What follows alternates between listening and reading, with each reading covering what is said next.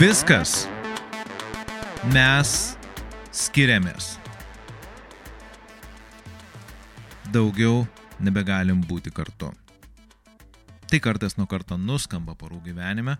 Šiaip statistika rodo, kad susituokusių šeimų gyvenime tai nuskamba bent 50 procentų. Tai reiškia, kad pusė tų porų, kurios susitokė, jos pasako, kad baigėsi jų kartu buvimas. Ir aš nekalbu apie tą dramatišką tokį viskas, aš išeinu, arba viskas, aš išeinu, tu pamatysi, kaip, man, kaip tau bus be manęs blogai. Ir po to jau kitą dieną vėl jie susikabinė už rankučių, vaikšto, vėl viskas gerai, iki kito viskas, aš išeinu ir lekia drabužiai pro langą, ar ten lagaminas sudėtas prie durų. Ne, aš kalbu apie tą tikrai dramatišką, tą tikrai liūdną poros išsiskyrimą, kada du žmonės nebegali būti kartu ir jie nusprendžia išsiskirti.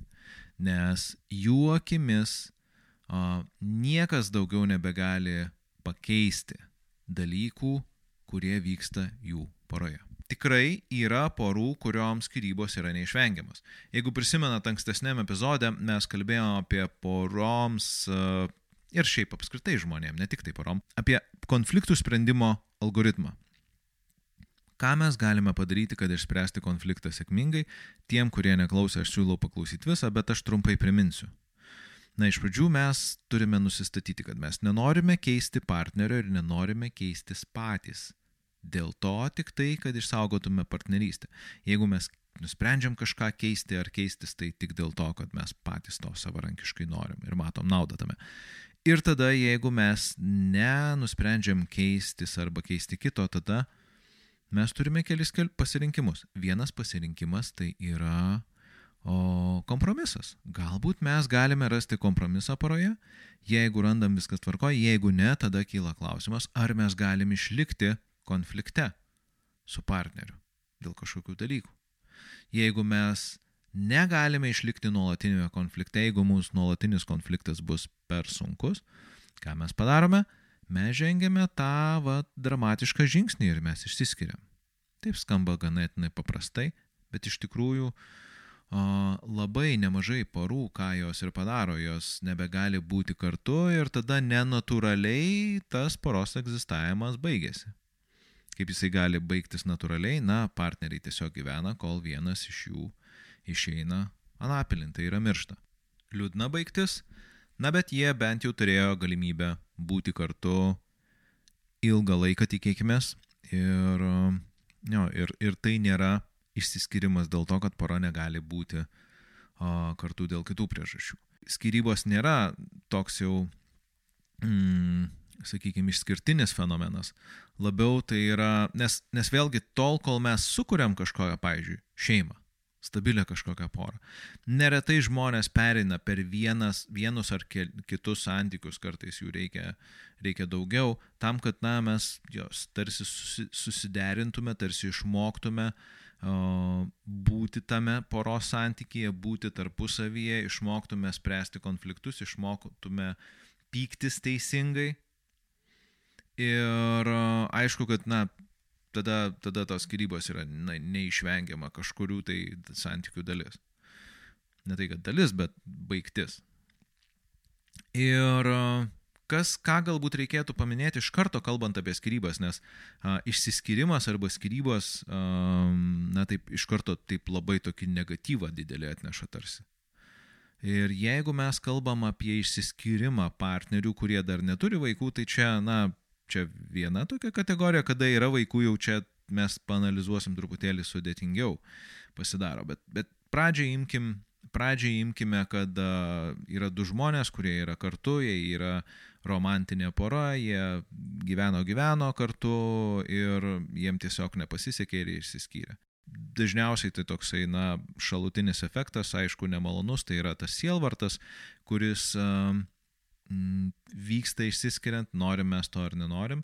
Ir kuo yra gilesnis ryšys su partneriu, tuo yra tas ir sielvartas stipresnis. Ir todėl uh, vėlgi reikėtų atsižvelgti į tai, kad um, na, išsiskirimo sielvartas, jisai, jisai šiaip tai yra artimas uh, praradimo sielvartui, na, tai yra, mir, taip tarsi tas partneris iš tikrųjų mirtų. Ir uh, sielvartui reikia laiko, kad mes išgyventume jį, kad mes jį perdirbtume, kad mes su juo išsibūtume apie metų.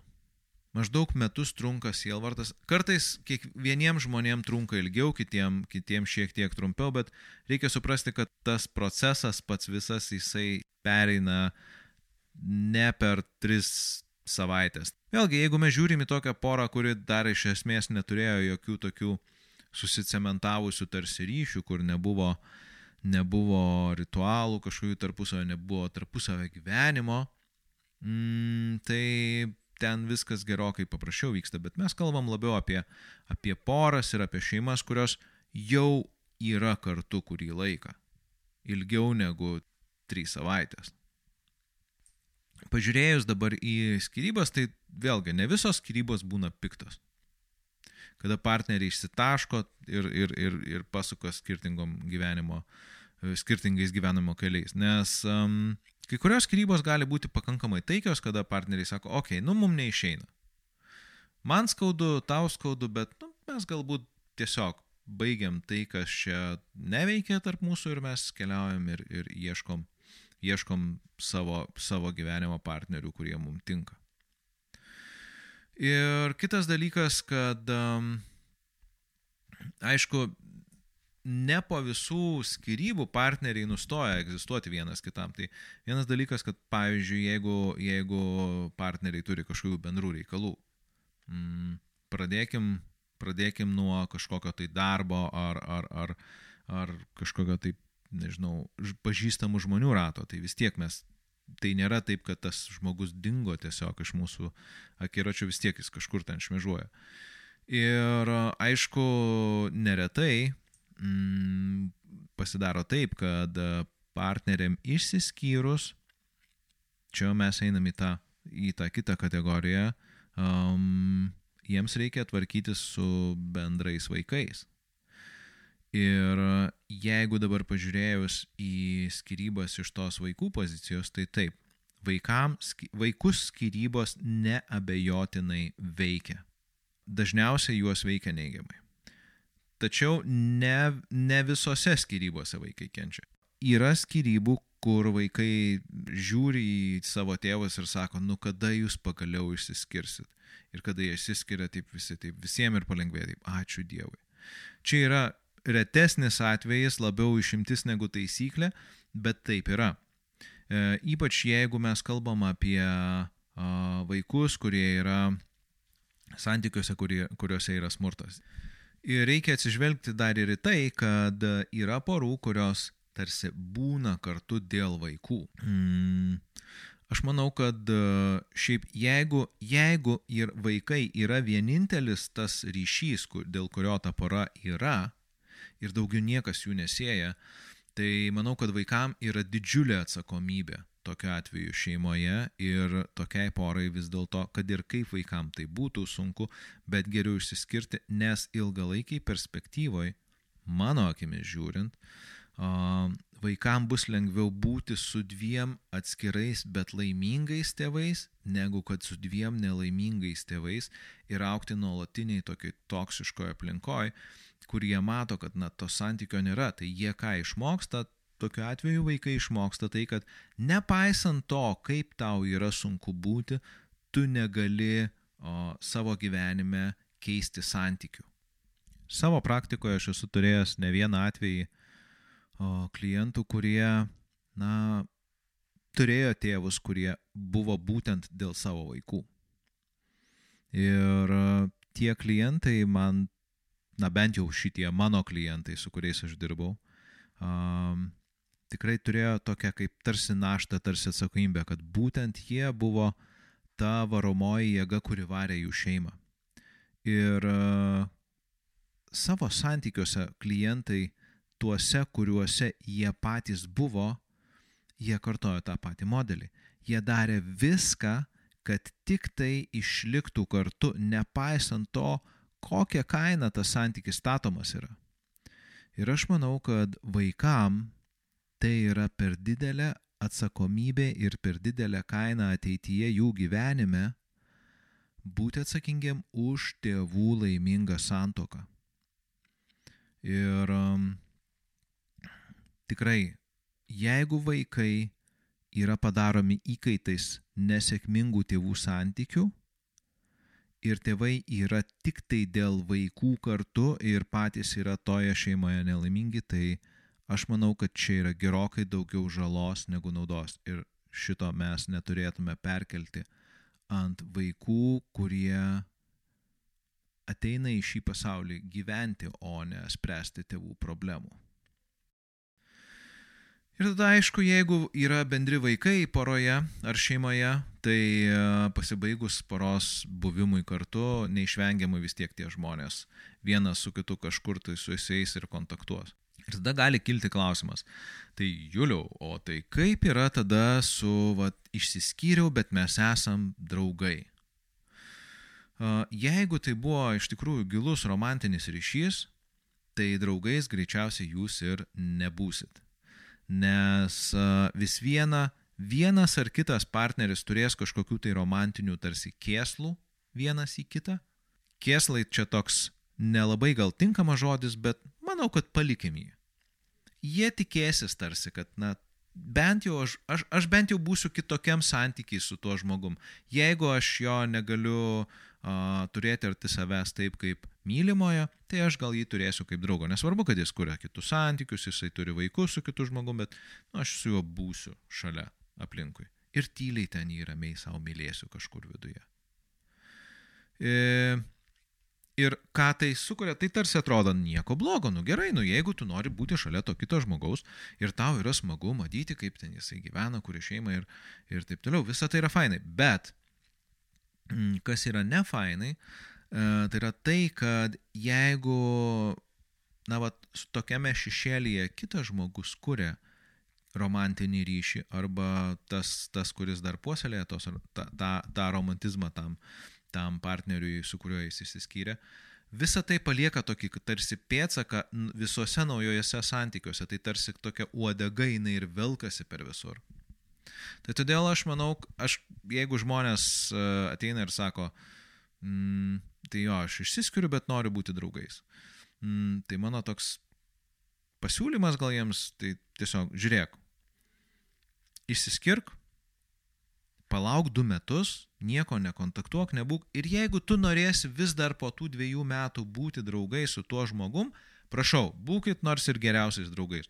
Kada jau bus išgaravę visi sielvartai, kada bus išgaravę e, visi tie meilės likučiai ir, ir, ir iš esmės tai bus nauja tokia va švari graži draugystė. Tada viskas tvarkoja. Aš už. Bet jeigu tu išsiskiri ir jo, mes čia vėl esam draugai ir einam į kiną ir, ir dar kartais gal netyčia pasibučiuojam, nes, nu, bet čia draugiškai. Tai ne, tai nėra išsiskirimas, tai yra tiesiog uh, poros santykio perkelimas į tokį mažiau intensyvų lygį, bet vis tiek vis dar tai tebe vyksta. Ir aš manau, kad jeigu jau skirybos vyksta, tai jos turi vykti taip, kaip mm, jos iš tikrųjų turi vykti. Tai yra, žmonės turi atsiskirti. Pageidautina nebematyti vienas kito socialinėje erdvėje, Mm, nebesusirašinėti, nebent ten yra kažkokių bendrų reikalų ir leisti savo išsispręsti tą klausimą, kaipgi čia man dabar būti santykėje su tuo žmogum, nes aš jo taip pasilgstu. Taip, tu jo pasilgsti, nes tokia yra išsiskirimo kaina. Jeigu kito žmogaus, kuris tavo gyvenime buvo labai svarbus, e, nebėra, taip, tu jo ilgiesi, tai yra normalu. Todėl Todėl aš manau, kad tiesiog reikia priimti, kad skirybos ateina su tam tikra kaina ir e, tada galima ir pergalvoti, palauk. Tai jeigu aš skiriuosi, tai galbūt vis dėlto verta kažkaip taip pasukti atgal laikrodį ir čia pabandyti išspręsti kažką. Vėlgi mes galim ten grįžti prie to algoritmo mm, spręsti konfliktus, bet iš esmės uh, jeigu manęs paklaustų šiandien, ar žmonės skiriasi per dažnai, aš sakyčiau, kad um, gal ne, bet manau, kad neretai žmonės daro per mažai pastangų, kad išsaugotų savo ryšį ir kažką iš to išmoktų. Net jeigu žmonės ir išsiskirs, bet jie dės pastangas ir sąmoningas pastangas a, tam, kad tas ryšys kažkaip tai žauktų, ar, ar, ar sutvirtėtų, ar išsilaikytų, jie kažką išmoks. Asmeniškai aš esu išmokęs tikrai iš savo uh, santykių, kuriuos aš esu turėjęs anksčiau, uh, kažką naujo, vis iš, iš, iš, iš kiekvienų ir, ir vis atsinešęs į tą patirtį, į vėlesnius. Tai ir mes visi taip mokomės, mes visi mokomės per klaidas. Neseniai aš čia skaičiau vieno kolegos tokią opiniją, kad, na, paaugliam arba jauniem, jauniem žmonėm iš tikrųjų uh, verta pradėti kuo anksčiau susitikinėti su kitais žmonėm, kad jie išmoktų būti santykėje, kad jie išmoktų pyktis, kad jie išmoktų susitaikyti, kad jie išmoktų spręsti konfliktus, kad jie išmoktų būti kartu, kad jie išmoktų galų gale išsiskirti, kaip tai normaliai padaryti. Galbūt iš tikrųjų vėl susėti po išsiskirimo ir pabuvus kartu, kartais tai veikia. Ir, ir tada jeigu jie anksti, ten, 19 metų pradeda santykius, tokius vat romantinius, jie išmoksta būti geresniais partneriais ateityje, tada, kada jie nuspręs iš tikrųjų turėti vaikų ir tada jie galės turėti tą stabilesnę šeimą. Tai va, tai ir šiaip gaila, kad tai ne mano mintis, norėčiau aš čia savo kreditą prisimti, bet, bet, e, bet, bet aš e, dėja dabar taip iš karto neatsimenu, neatsimenu, kas tai prašė. Bet grįžtant atgal prie, prie išsiskirimo ir skirybų temos. Nemažai skirybų neišsprendžia problemų, kurios, kurios vyksta su partneriais. Kodėl ne? Nes um, vėlgi, Kaip žmonės skiriasi? Neretai, sakyčiau, dažniau negu, ne, negu, negu vidutiniškai žmonės skiriasi todėl, kad na, jiem nesigauna įprastais būdais, tais, kuries, kuriais jie jau moka ir žino susitarti, Dažniausiai tas tarimasis tai yra visam tam toksiniam ligmenį, tai yra aš bandau pakeisti kitą, aš bandau pats pasikeisti, aš bandau kitą apkaltinti, ten reiškia, arba, arba kaltinu save, kad man čia kažkas tai nesigauna, ar, ar, ar aš neveikiu skry... savo santykiuose. Ir tada, nu ką, nu tai turbūt reikia ieškoti to tobulesnio žmogaus ir geresnio žmogaus. Ir nėra atsisukama vis dėlto į save ir, ir neieškoma būdų, kaipgi spręsti tai, ką mes turime čia ir dabar. Ir jeigu yra kažkokios tai problemos, partnerių, jos yra ne tik tai kaip poros problemos, bet jos yra ir asmenybinės. Aš kaip asmenybė atsimenu, atsinešu savo bėdas į santyki ir dėl to mes ir turim tas bėdas. Taigi jeigu žmogus, kuris taip galvoja, jisai išsiskiria ir nueina į kitus santykius, spėkit, ką jis nusineša ten, tas pačias savo problemas, kurias jis turėjo prieš, prieš tai buvusiuose santykiuose. Ir nieko nuostabaus, kad tos problemos kartojasi vėl ir vėl. Ir tada žmogus vėl sako, ne, nu man čia neveikia niekas ir aš vėl skiriuosi, nes nu man netinka tas žmogus. Viskas čia buvo gerai, pabuvo pusę metų gerai ir po to pradėjo blogėti, blogėti, blogėti ir e, nieko čia neišeina padaryti. Žinoma, kad uh, tada, tada vėlgi toks, na, gaunasi, kad skyryba, skyrybos tarsi pasidaro tokia kaip panacėja visom santykių problemams spręsti. Jeigu ką mes jo, išsiskiriam, ieškom to partnerio, kuris atitinka. E, ir grįžtant prie santykių piramidės, e, jeigu, jeigu pažiūrėt, kad šiandien ta santykių piramidė yra apversta, kad pirmiausia eina toksai erosas ir, ir, ir mes žiūrim tik tai tokį partnerio patrauklumą, tą būtent, ar jis ar jį yra gražus, ar ten faini, ar, ar ten statusas ten tinka man ir, ir viskas, ir varom, ir pirmin. Ir tada jeigu yra kažkas, kas man netinka, tada aš tikiuosi, kad tas žmogus ims ir pasikeis ir, ir, ir viskas taiga bus geriau ir fainiau. Ir, arba aš pasikeisiu ir būsiu geresnis. Va šitam, šitam žmogui tai va aš jau būsiu geresnis. Nu ne, nebūsi, nes tu visą laiką toks buvai. Aš visą laiką toks buvau. Ir jeigu aš keičiuosi, tai aš keičiuosi, kaip visada pasikartosiu, iš lėto ir sunkiai. Tai va, tai iš esmės iš esmės skirybos, skirybos yra, yra toksai sudėtingas procesas, bet jisai yra statistiškai dažnas porų gyvenime. Dar kartą primenu apie vaikus. Jiems skirybos yra skausmingas dalykas. Nes realiai vaiko pasaulyje, na, tėvai egzistuoja kaip vienas vienetas. Vienas vientisas daiktas. Ir dabar staiga, ir kuo mažesnis vaikas, tuo jam sudėtingiau yra suprasti, kad tas pasaulis kyla į dvi dalis dėl kokių priežasčių net neaišku ir, ir ypač mažesniem vaikam tai atrodo, kad jis suskyla dėl to, kad tas vaikas kažką darė ne taip. Gal aš buvau nepakankamai geras ir neklausiau mamos ir tėčio ir dėl to jie pykosi dėl manęs. Nes prisiminkim, dažna konfliktų priežastis yra būtent apie vaikus ir jų auklėjimą.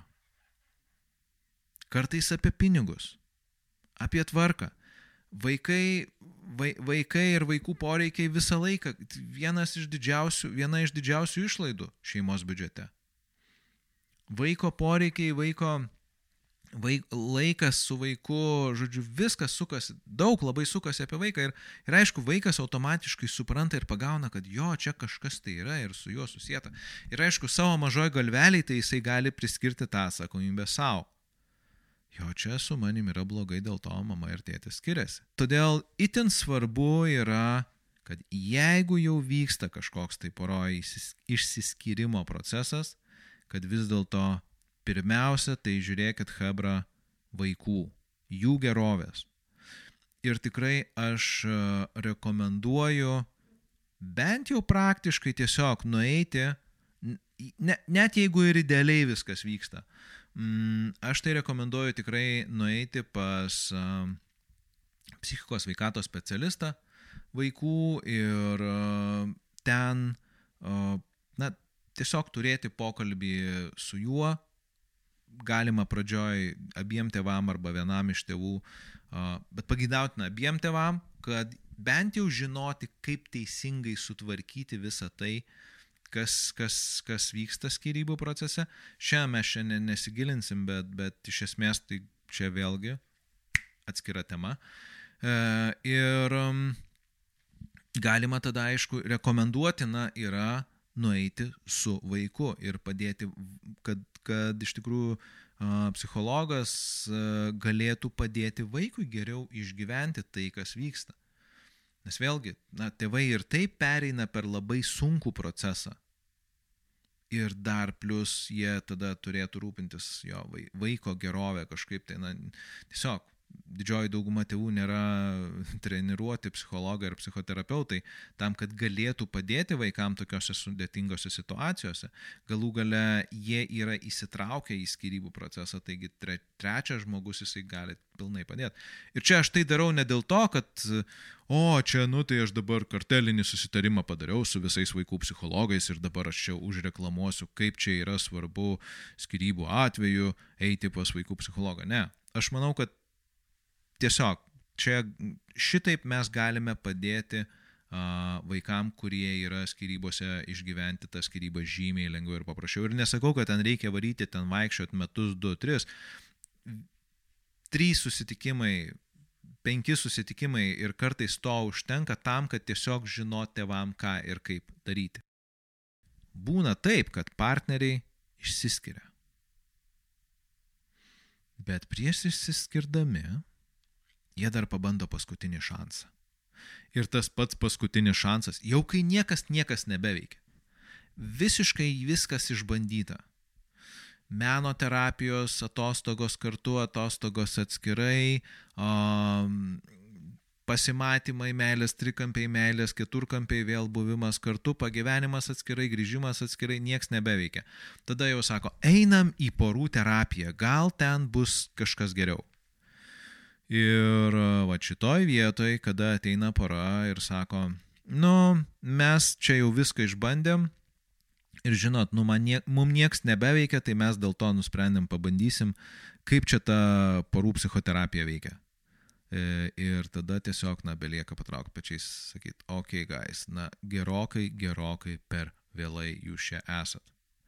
Ir aš tikrai galiu pasakyti, kad didžioji dauguma porų, kurios ateina į porų psichoterapiją, jos ateina gerokai vėliau. mm, gerokai pavėlavę, sakykim taip, jie tarsi žiūri į porų psichoterapiją tokį kaip paskutinį šansą, kuris gali išgelbėti jų santoką. Ir ten turėtų įvykti kažkokią magiją.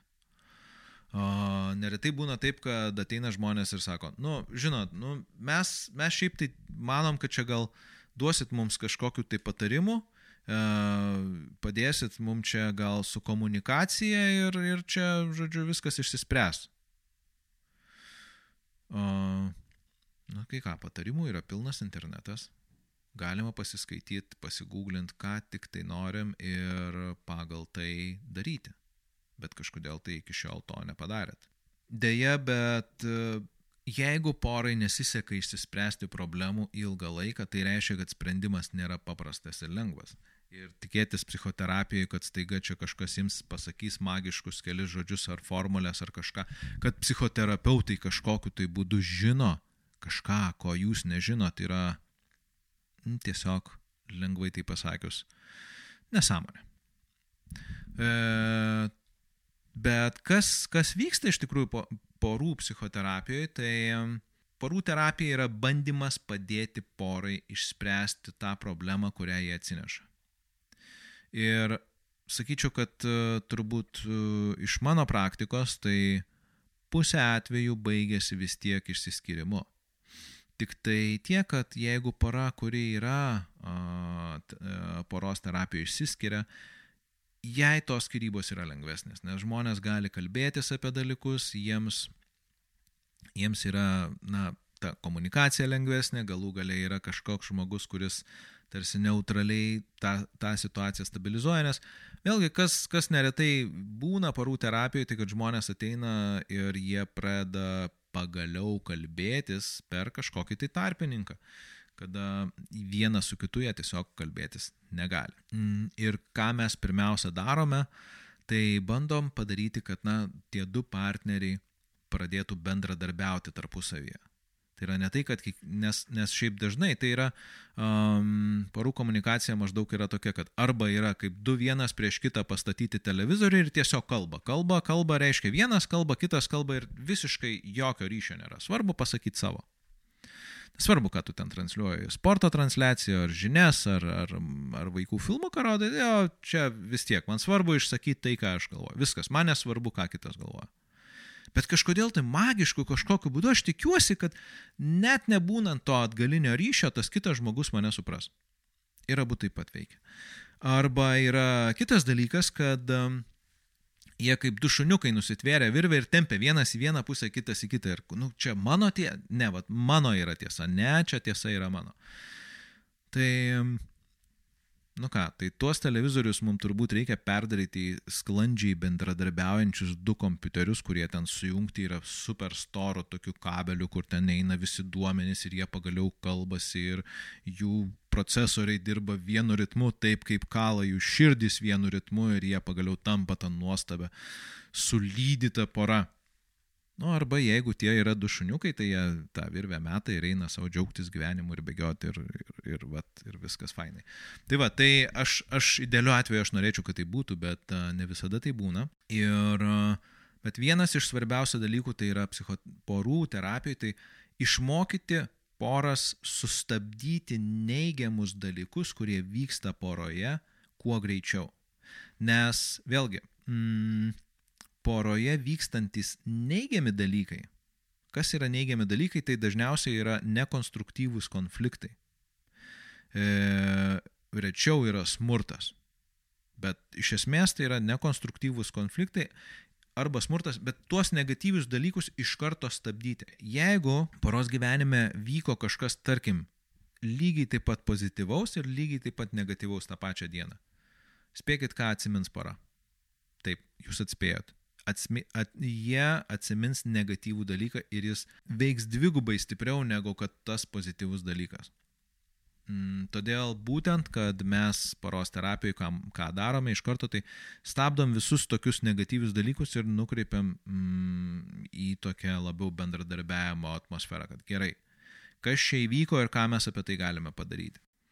Jeigu pora išmoksta spręsti konfliktus, tai jau yra geras pasiekimas.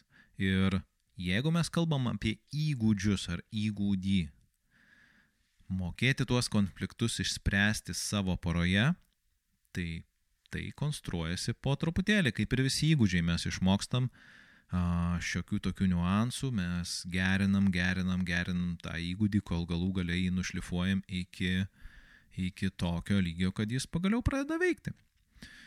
Kitas dalykas, kas vyksta porų, m, porų terapijoje, tai to emocinio ryšio užmėsgymas ir neretai apskritai tokio emocinio intelekto lavinimas. Jeigu partneriai geba emociškai vienas su kitu sėtis, tai yra turi savo emocinį intelektą kažkiek išlavintą, yra nemažai darbo padaryta, nes jie gali, prisimenat, emocinis intelektas yra klyjei, kurie klyjuoja tos sluoksnius ir palengvina tą konfliktų sprendimą. Neretai individuali terapija gali šitoj vietoj padėti, nes kartais tiesiog mūsų, mūsų asmeniniai kompleksai ar, ar traumas neleidžia uh, emociškai sėtis su partneriu ir matyti, matyti tą partnerį kitose spalvose ar, ar pabūti jo batuose. Taigi individuali terapija vienam iš partnerių arba abiem partneriam gali padėti žymiai, žymiai efektyviau spręstis uh, problemas porų terapijoje. Kas porų terapijoje neveikia? porų terapijoje tikrai neveikia tokie dalykai kaip patarimų davimas. Jeigu jau ieškot patarimo iš um, poros psichoterapeuto ar psichoterapeutės, tikrai galbūt ne ta vieta. Nes iki šiol mes galėjom rasti visus patarimus į internete, knygose, bloguose, straipsniuose, tam pačiam va šitam podkaste, e, ką ir kaip daryti, kad būtų viskas geriau. Mm, ir kad ir kokius patarimus gautumėt, tie patarimai yra iš žmonių, kurie turi savo istoriją, savus, savas patirtis ir greičiausiai jums netiks. O jeigu tiks, tai aišku, galima prisitaikyti, bet duodama, mes duodam kartais patarimus, bet labai labai išskirtiniais atvejais ir labai labai retai, kada mes konkrečiai galim juos pritaikyti tai konkrečiai situacijai taip visiškai idealiai, bet tai būna itin itin retai. Ir kitas dalykas, kuris neveikia psichoterapijoje, tai yra prašymas psichoterapeuto ar psichoterapeutės pasakyti, kągi pora turi daryti. Ką mes turim padaryti, kad mūsų santykis veiktų. Brangieji, jūs patys turit atrasti, kas jums veiks. Yra technikų, yra būdų, mes juos galima aptarinėti ten parų terapijoje vėl ir vėl, bet Jeigu terapeutai sako, ką daryti, tai būna išskirtinai retai, nes uh, iš esmės jūsų darbas yra sprendimus atrasti savo sprendimus, juos pritaikyti, išsiugdyti, susiderinti tai, kad veiktų būtent jūsų šitai porai, kurią jūs turite, kurioje jūs esat ir, ir, ir, ir su tai žmonėm, kurie yra aplink jūs. Sesijos trunka įvairiai priklausomai nuo, nuo, nuo, nuo to settingo, bet mm, poros terapijos sesijos trunka 50 minučių, valandą, ten valandą 20. Mm, ir jūs matotės kartais savaitę, ne? kartais, kartais netgi rečiau, tuo tarpu savo gyvenimą gyvenant nu tas visas 24 valandas per parą. Ir žymiai, žymiai lengviau yra žmogui nuspręsti, ką ir kaip daryti, kai jisai yra tos 24 valandos per parą savo gyvenime, negu žmogui, kuris gali tik tai iš pasakojimo numatyti, kasgi ten tam gyvenime vyksta. Tai todėl yra svarbu nesitikėti, mm, gauti kažkokį tai patarimą, ką daryti. Nors labai norisi, aš, aš pats neretai O labai norėčiau, kad kas nors ateitų ir sakytų, žiūrėk, Juliau, tu daryk šitaip, šitaip, šitaip ir tau viskas gyvenime bus gerai. Jeigu tu darysi štai taip, tai tavo poroj viskas bus šaunu. Ne, nebus šaunu, nes tam žmogui galbūt šaunu, nes pas jį yra visai kitoks settingas gyvenimo negu mano. Ir tikrai neveikia trumpalaikė arba greita porų terapija, tai vienas, du susitikimai. Arba tada tai nėra terapija, tai yra greičiau toks konsultavimas, kada žmonės, na, greitai ten kažkokią labai labai lengvą problemą atsineša, kuriai dažniausiai tai ir nereikia tos porų terapijos, nes įsivaizduokim, kad jau yra skirybų slengščis prieitas, jau yra vat, na, paskutinis lašas, tas, tas vat, reiškia virsmo taškas.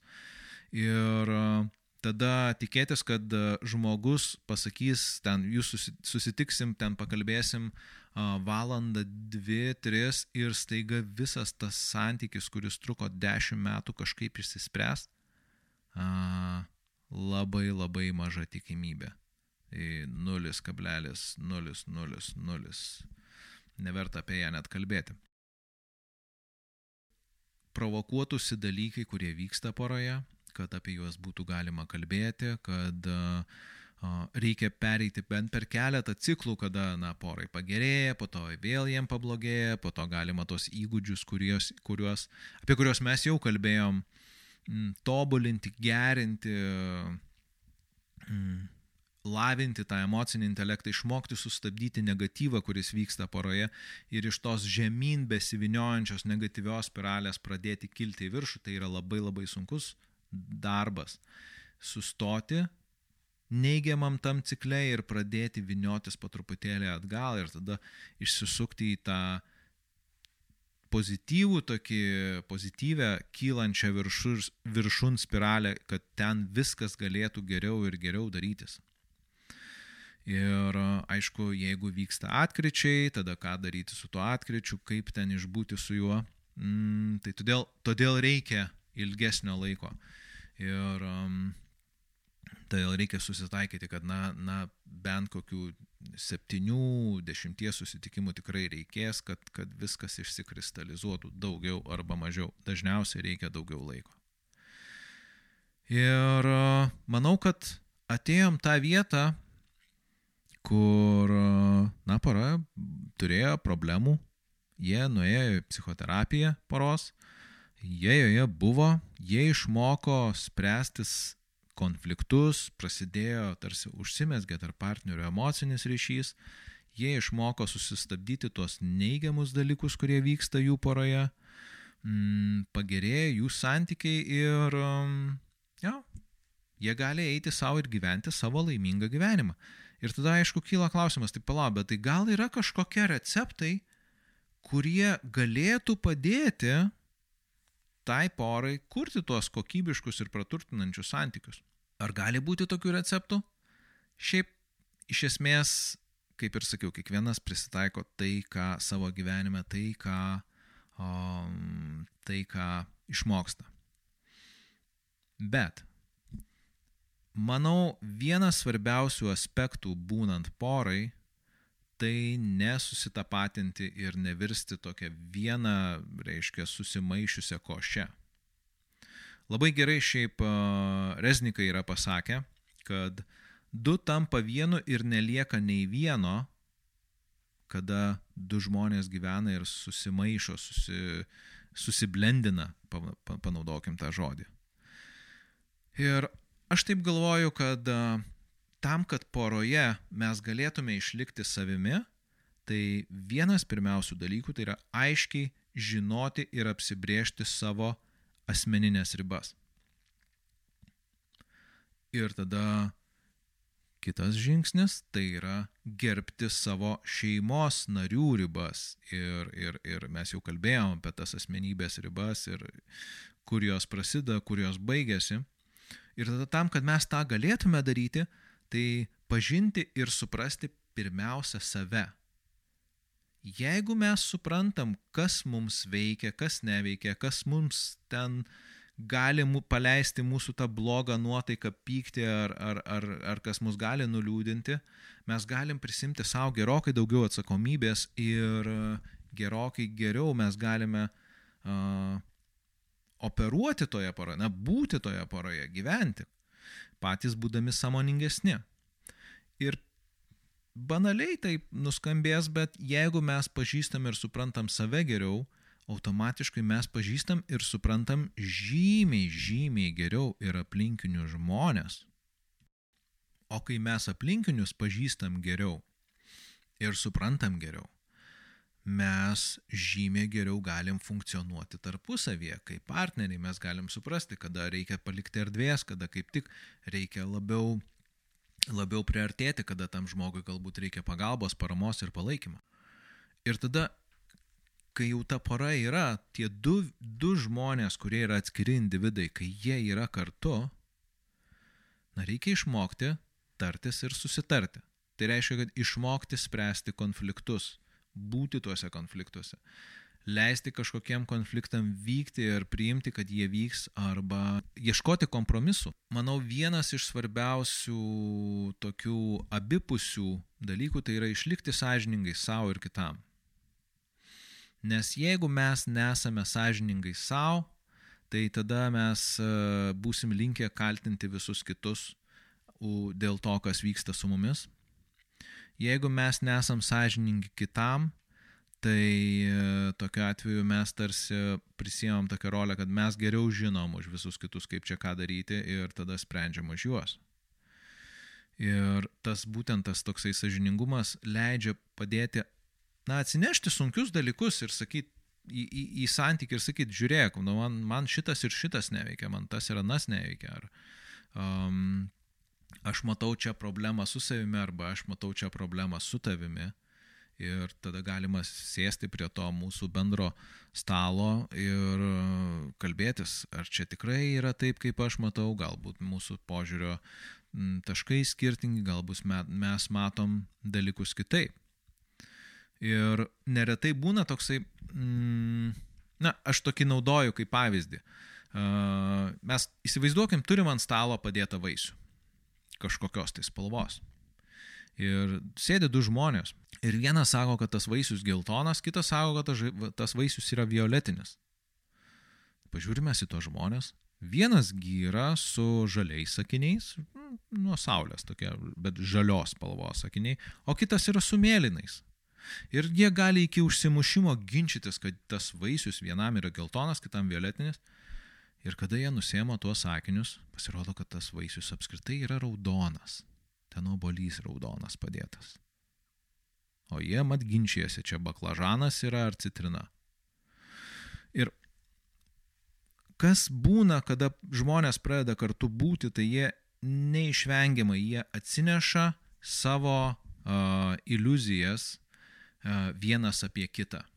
Mm, mes galim jas vadinti projekcijomis, mes galime vadinti perkelimais, žodžiu, bet ir, ir pripažinkim, mes visi turim iliuzijas. Uh, yra, mm, būtų iliuziška manyti, kad mes vieninteliai neturim iliuzijų apie kitus žmonės ir suprasti, kad jie visi kita, kiti jas turi, bet mes ne. Mes, esam, mes turim tokias pačias iliuzijas apie kitus žmonės, apie save, apie pasaulį, lygiai kaip ir visi kiti. Ir jeigu mes jas priimsim, kad, okei, okay, aš galiu būti, mano, aš galiu būti užsidėjęs kažkokius sakinius. Ir tu gali būti užsidėjęs sakinius, ir jisai, ir jinai. E, tai mes esam tada žymiai atviresni tam pasauliui, kuris iš tikrųjų galbūt yra tikrai ne žalias, ne, ne raudonas, e, ne mėlynas, o dar kažkokio, su kažkokiamis tais spalvomis. Ir va, kai partneriai kūrė santyki, Jie atsineša iliuzijas vienas apie kitą ir jos persidengia ir tam tikrose vietose, kur tarsi jos sutampa, tai atrodo, o jo, kaip čia fainai, kokie mes čia esame kartu. Ir visa kita, tai yra, nu, jo, kažkaip ne taip. Ir tada, kada tos iliuzijos dūšta, mm, po, po truputėlį, po truputėlį jos vis gilyn ir gilyn pradeda matytis, kad, nu, ne, ir tas netaip, ir tas netaip, ir na, tas netaip. Ir aš tokia esu mm, posakį gerą girdėjęs ir šiaip man jis labai patinka, kad rožiniai akiniai dūšta stiklais į, e, stiklais į vidų. Tai reiškia, kad jeigu mes turėjom iliuziją ir jie tikėjom ir jinai sudužo, tai nu, mums skauda. Ne kitiem, mums skauda, nes, nes, nes čia, yra, čia yra mūsų iliuzija, kurie sudužo.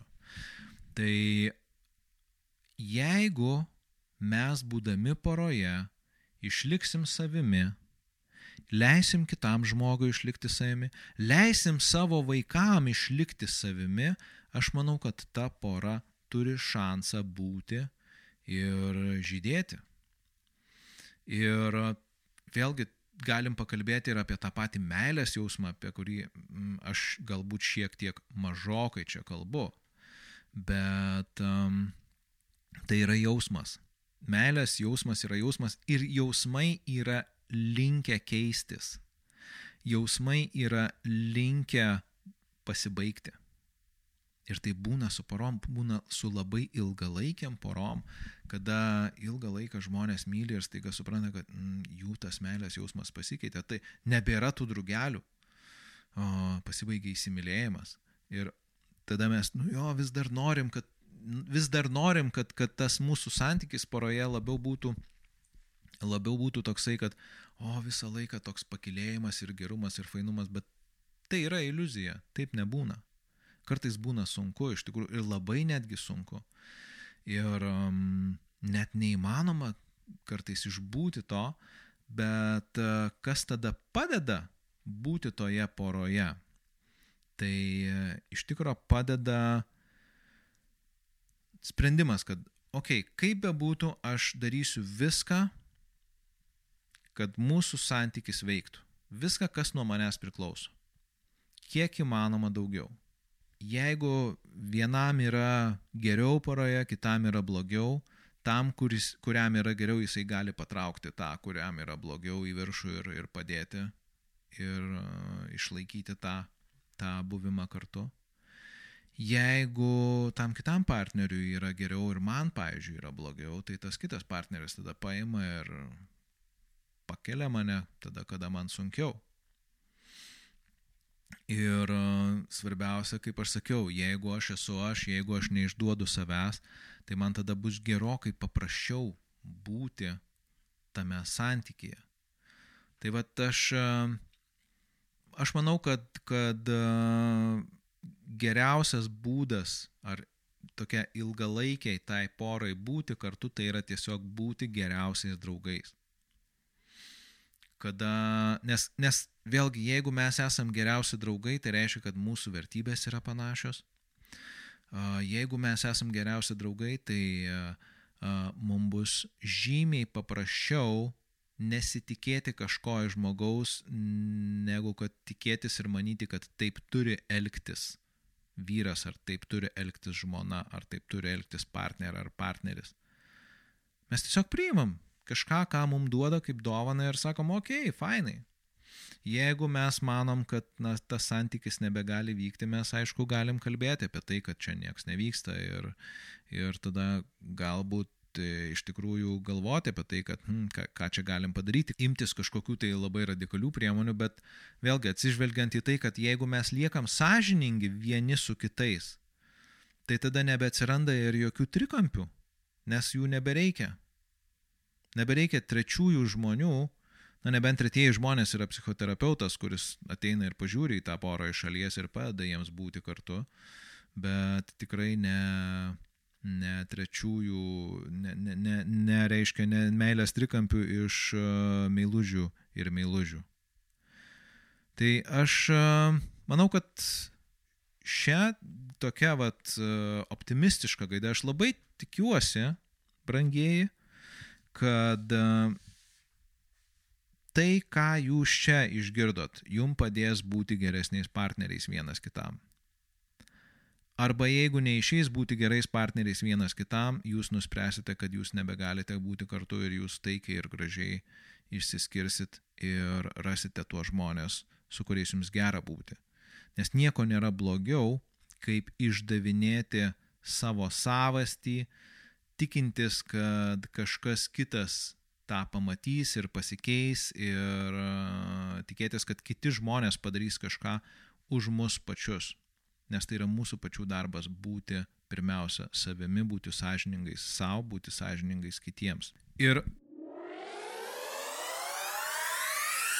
taip, šitas santykių o, temos maratonas, manau, kad atėjo į pabaigą ir mes galim ją paskelbti, sakyti, jes, viskas, mes aptarėme maždaug didžiausią dalį visokių temų ir sluoksnių ir e, dalykų, kurie gali būti paros gyvenime ir tada sakyti, gerai, judam kažkur kitur. Ir jeigu jūs manot, kad yra dar temų, kurios yra neaptartos, jūs norit kažką apie jas išgirsti, yra klausimų, kuriuos jūs norit užduoti, tai darykite tai. užduokit klausimus, e, sakykit temas ir e, tikrai mes apie tai kažkokiu tai metodu, ar e, čia podkastė, ar galbūt kažkokiu atskiru blogo įrašu galėsim pasikalbėti. Ačiū Jums, kad buvot su Tilviko lizdu. Jeigu patiko tai, ką čia girdėjot, pasidalinkit, paspauskit like, paspauskit share, o pasakykit savo draugam, pažįstamiem kolegom, kad yra toks podkastas ir kuo jūsų yra daugiau, klausytojų, tuo man didesnis akstinas daryti, kurti, įrašinėti, galvoti ir aišku, pats specialiausias virtualus ačiū yra Patreon remėjim. Jūs esat nuostabus. Ačiū Jums labai labai labai labai. O ateityje Mm, mūsų dabar laukia naujas epizodas, jau apie poras nebekalbėsim, kalbėsim apie atleidimą. Mm, tokia pakankamai speciali tema ir žiūrėsim, kaipgi čia, kaip atleisti mums žmonėm, kaip atleisti mums savo ir kas tas yra atleidimas ir su kuo jį... Ne, mes jo nevalgysim. Mes jį tiesiog turėsim arba neturėsim. Viso geriausio brangiai. Čia buvo Julius ir Tilviko Lizdas. Iki pasimatymo kitose epizoduose.